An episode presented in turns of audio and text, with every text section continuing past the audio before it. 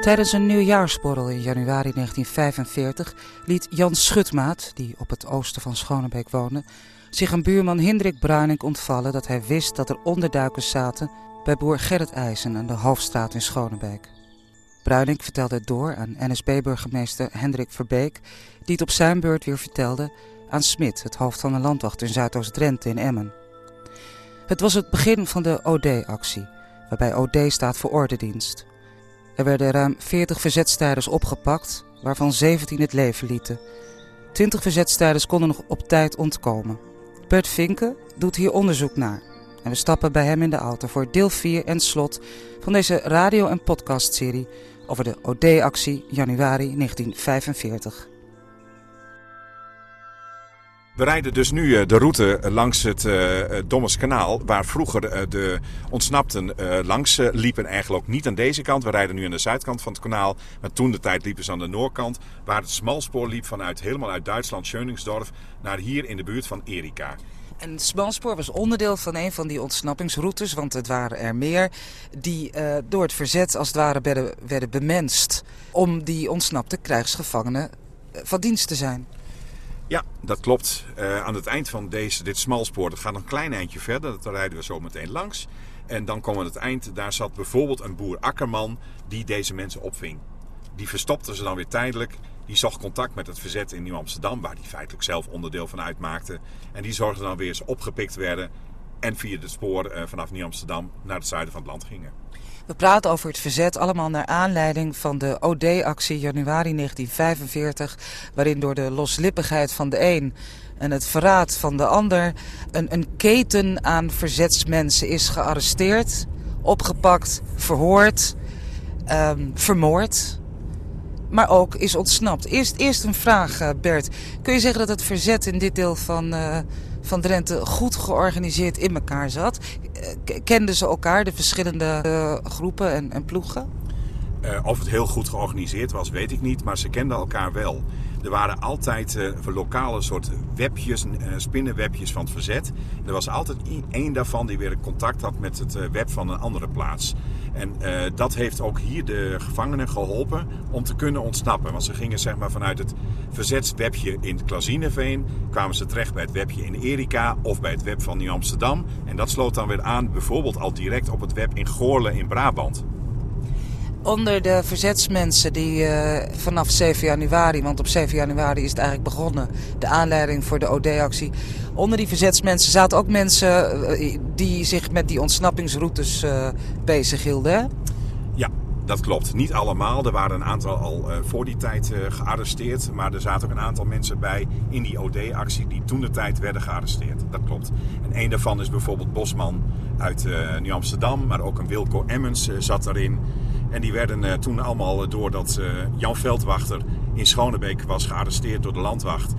En hij dus onder zware mishandelingen uh, namen liet vallen. Ja, werd hun naam ook genoemd. En waren zij binnen de kortste keer, een paar dagen later, zijn zij dus ook gearresteerd. Dat gebeurde onder meer in het landwachthuis in Koevoorde, waar we ook al zijn geweest. De man die daar de septus waren, dat was een Weimar. Daar heb jij weinig over gevonden. Hij is na de oorlog gevlucht. En is zijn straf ook uh, ontlopen op die manier. In de jaren tachtig nog wel opgespoord door een aantal onderzoeksjournalisten. Dat was een, uh, een buitenstaander, die Weimar, volgens mij een Hagenees. Maar uh, net zoals het verzet bestond uit lokale mensen, zaten er bij aan de andere kant ook veel lokale mensen. Hè? Ja, zeker. Uh, heel, heel veel lokale mensen. En de andere kant bedoelen, ik denk, neem aan dat je bedoelt de NSB. En daarbinnen dan weer de landwachters, wat de actieve, een van de actieve poten was binnen NSB. Ja, en die zaten hier, uh, wij rijden nu uh, in Erika, langs het smalspoor. en daar zaten zowel die NSB'ers als die verzetsmensen, waren gewoon buren van elkaar. Die woonden bij elkaar in de buurt. Maar dat moet ook een levensgevaarlijke wereld geweest zijn. Want als je onderduikers had. Uh, ja. Ik uh, heb uh, van een aantal mensen gehoord dat ze het eigenlijk al helemaal niet als levensgevaarlijk zagen. Ze zagen het meer als een verplichting dat ze mensen moesten helpen. Vanuit hun geloof hadden ze de overtuiging: wij zijn er om mensen verder te helpen in de wereld. Als die in de problemen zijn, dan gaan we ze helpen.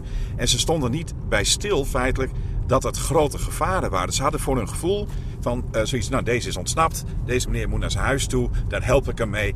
En hoe schokkend is dat nou? Die maar ze liepen wel een enorm risico. Ja, maar ik, ik weet uit brieven van uh, mensen die dus gearresteerd zijn, uh, dat ze dat zo helemaal niet zagen zelf. Ik vind dat je dat goed uitlegt, hè? Wat, wat mensen drijft om in het verzet te gaan. Het is mededogen, de ander willen helpen. Maar wat zou mensen nu drijven om bij de NSB te gaan? Dat is een hele goede vraag. Een hele grote groep van de NSB'ers was natuurlijk niet actief uh, bezig met het uh, van Nederlanders. Maar er was een klein groepje die dat wel deed. En er waren soms hele jonge jongens bij, 17, 18 jaar oud. Maar ook tot 60 jaar. Maar ook een hele grote groep, 25 tot 30, 35 jaar oud. Ja, waarom? Omdat ze er nou zeg maar heel veel geld mee verdienden? Nou, dat denk ik niet.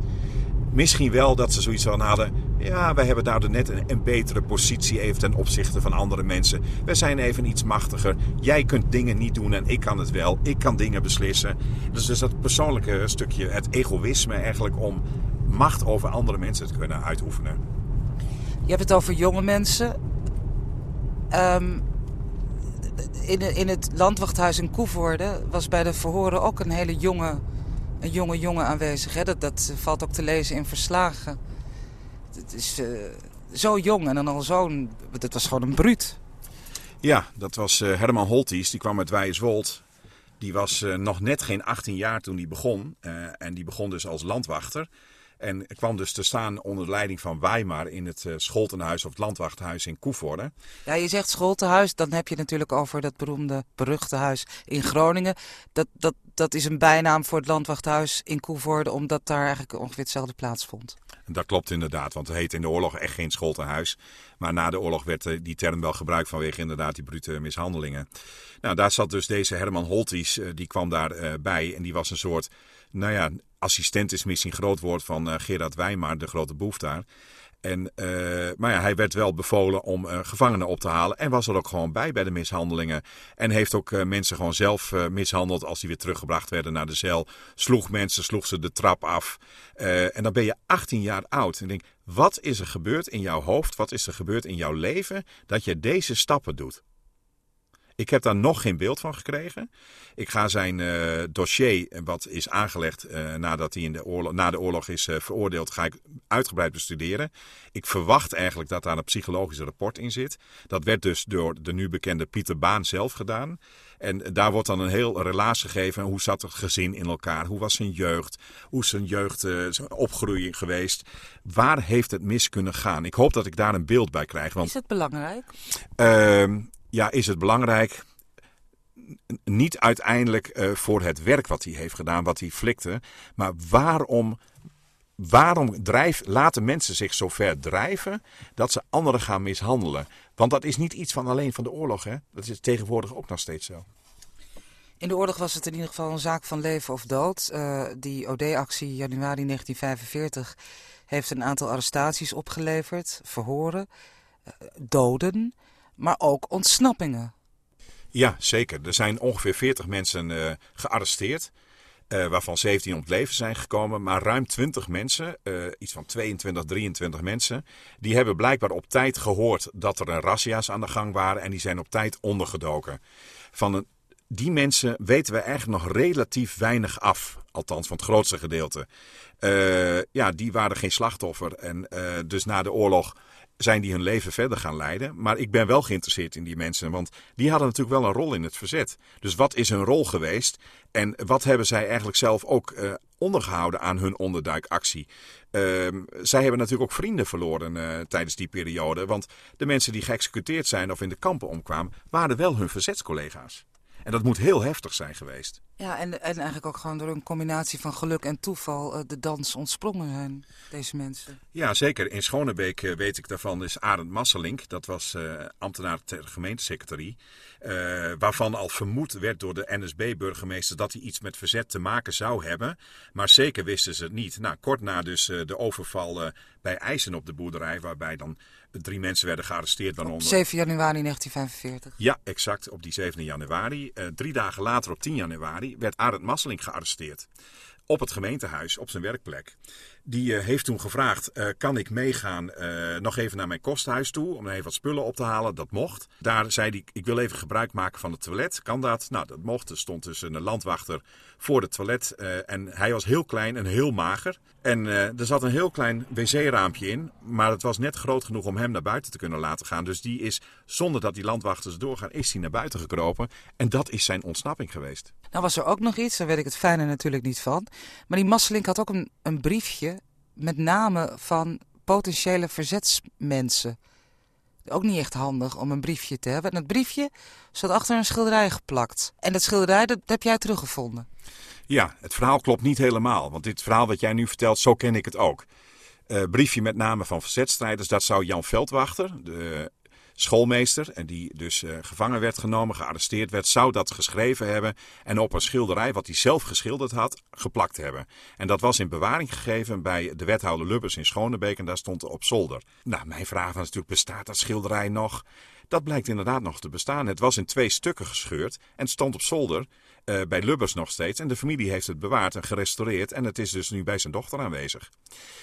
Dat briefje, ja, dat heeft de familie zich natuurlijk heel schuldig over gevoeld. Althans, zoiets van onze vader heeft de namen opgeschreven van verzetstrijders. En daardoor zijn een heleboel mensen opgepakt. Want het was Veldwachter die doorsloeg bij het verhoor. Mag ik dat zo zeggen? Of? Ja, Veldwachter sloeg door, maar de andere mensen sloegen natuurlijk ook door. Dat was natuurlijk ook geen keus meer. Uh, nee, nee, nee. Maar wat blijkt nu? Uit de stukken na de oorlog heeft diezelfde Arend Masseling, die door het wc-raampje ontsnapte, vertelde: Oh, ik weet welk briefje dat is. Dat heeft Veldwachter niet geschreven, dat heb ik geschreven. En daar stonden ook niet de namen op van verzetstrijders. Ik had op verzoek van Veldwachter een lijstje gemaakt met oud-militairen. En waarom? Omdat oud-militairen voor het gewapend verzet handige partijen waren. Dus die werden vaak benaderd door het verzet: willen jullie meewerken? Dat briefje was het. Dat is achter op dat schilderij gekomen ook niet handig, maar het waren niet de namen van verzetstrijders. Nee, maar zo'n briefje kan in de handen van de bezetter of uh, de daartoe aangestelde personen wel een, een dodenlijstje worden. Ja, dat klopt. En ik weet dus niet welke namen op dat lijstje stonden. Dat is ook niet uh, overgeleverd uh, welke namen dat waren. Het kan best zijn dat er namen op stonden van verzetstrijders die gearresteerd zijn. Maar het is in ieder geval, en dat was voor de familie een opluchting, niet het lijstje wat de vader had gemaakt.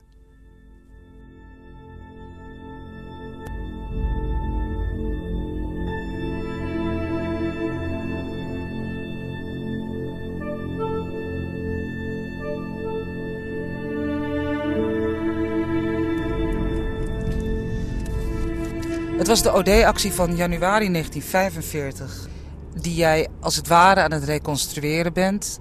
Bert Vinken, er komt een boek over. Het begon allemaal op de 7 januari tijdens een nieuwjaarsvisite. Eén man praatte zijn mond voorbij, de ander vertelde het aan de NSB-burgemeester. En die belde weer iemand op uit Emmen.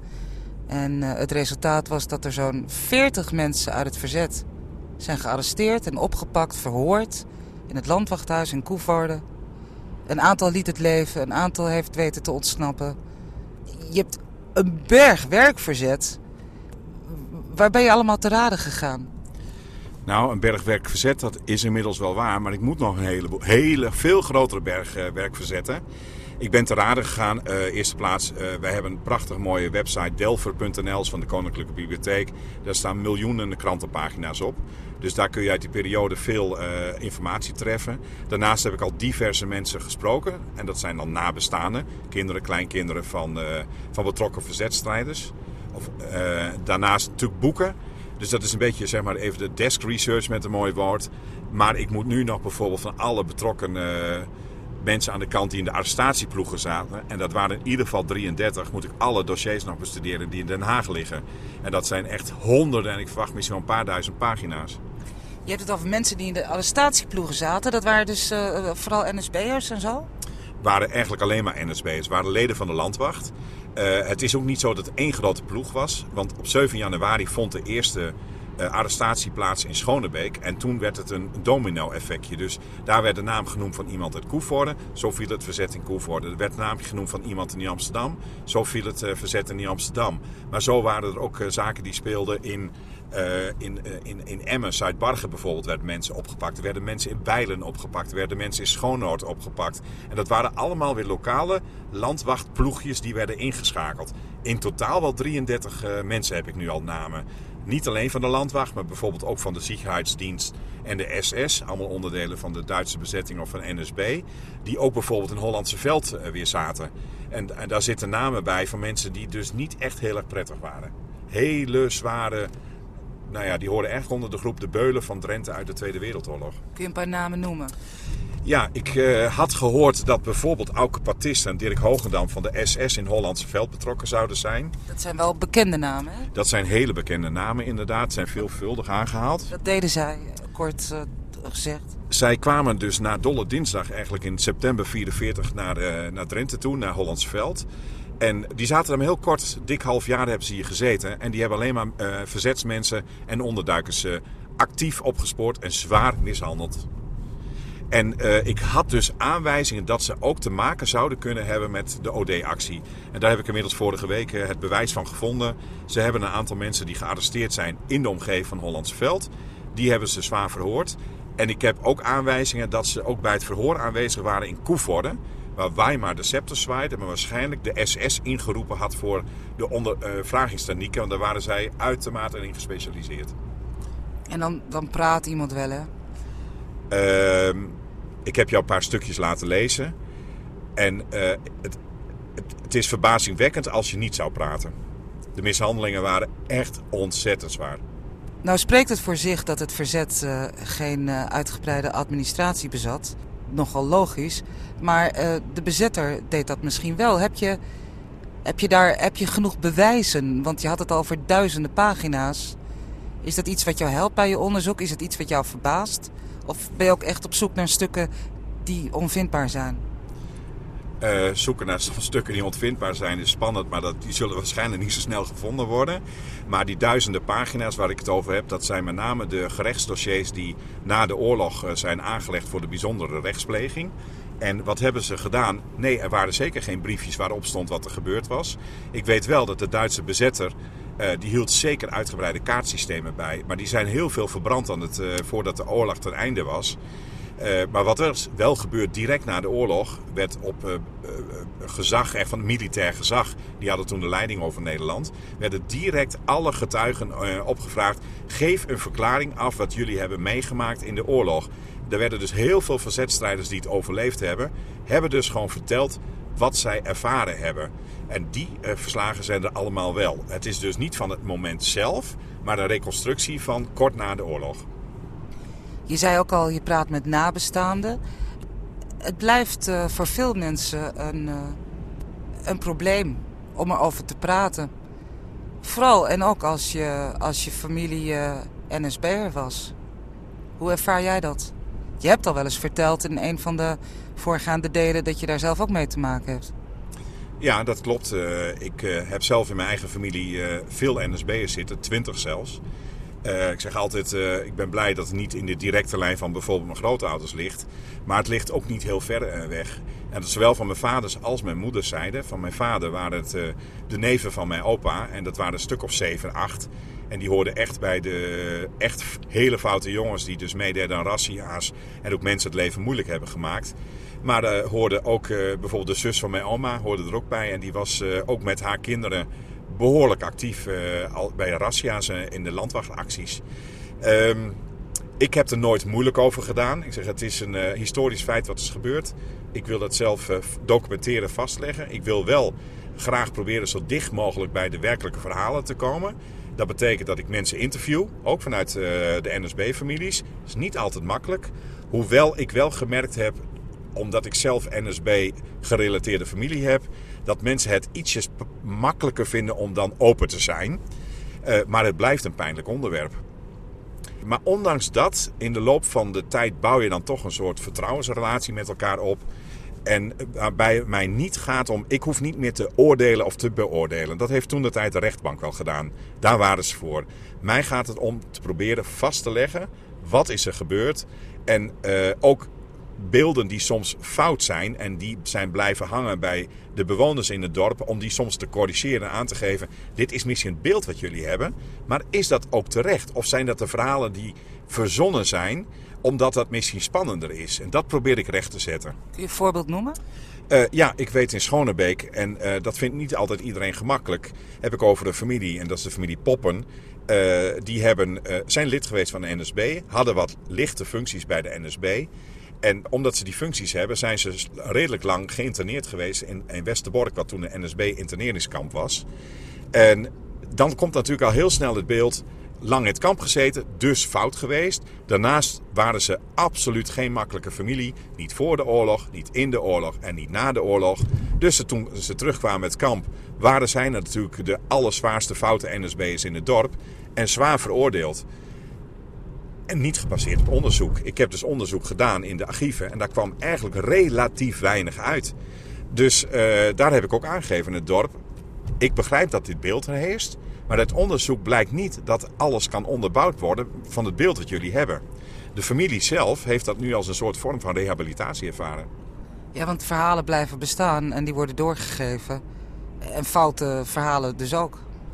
Absoluut. En dat doen wij zelf ook allemaal. En dat gaat meestal bij ons niet om zulke spannende verhalen, maar juist oorlogsverhalen wel. En dan moet je, je moet heel voorzichtig zijn, uh, ook met onderzoek en conclusies. Onlangs hebben we natuurlijk nog de hele discussie gehad over het nieuwe boek over Anne Frank. Uh, ik heb inmiddels wel begrepen dat het onderzoek wat gedaan is heel kundig is. Alleen ja, dan komt in de, het, schrijven naar buiten toe worden dan misschien wat samenvattingen gegeven.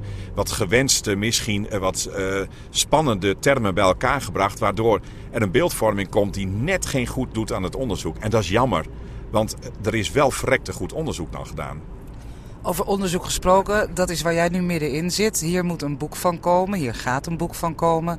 Wat zijn tot slot nu toch nog een paar hele wezenlijke vragen voor je waar jij nog geen antwoord op hebt? Er zijn nog heel veel, maar in grote lijnen is, ik, heb, ik moet ongeveer van 100 mensen uh, dossiers gaan bestuderen, het leven gaan bestuderen. Van een aantal ben ik al heel erg ver. Van een aantal weet ik nog amper wie het zijn.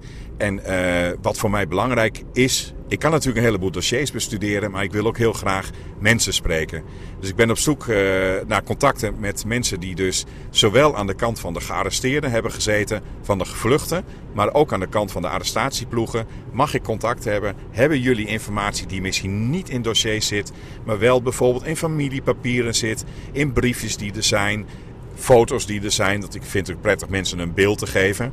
En uh, dus daar heb ik echt nog wel de hulp van de luisteraars nodig. Je weet dat, dat sommige verhalen op een gegeven moment ook gewoon uitgestorven zijn, hè? Net als de mensen die ze nog konden vertellen. Dat klopt. Ik uh, doe nu 45 jaar onderzoek. Ik begon als jongetje van 11 jaar, ben nu 56. Ik had eigenlijk dit onderzoek 20 jaar geleden moeten gaan starten. Want toen leefden nog een heleboel mensen die het misschien nog, of die toen nog actief het hebben deel uh, meegemaakt. En die generatie is bijna uitgestorven. Uh, daarnaast word je ouder en je gaat ook selectiever dingen onthouden. Dingen worden mooier, minder scherp, minder duidelijk. Uh, maar het wordt steeds moeilijker en er zijn verhalen die definitief verloren zijn. En dan nu de, echt de, de allerlaatste vraag. Waarom doe je dit? Ik hou van puzzelen. En ik heb gemerkt dat uh, het bij elkaar brengen van losse stukjes tot één grote passende puzzel, dat mij dat ontzettend boeit. En ik merk dat het uh, voor heel veel mensen die betrokken zijn in het onderzoek, zowel aan de goede kant als de foute kant, als we dat zo kunnen betitelen, dankbaar werk is. Want men vindt het prettig dat we zo dicht mogelijk met verhaal bij de waarheid komen en dat onduidelijkheden weg zijn. En dat vind ik leuk om daar aan mee te werken.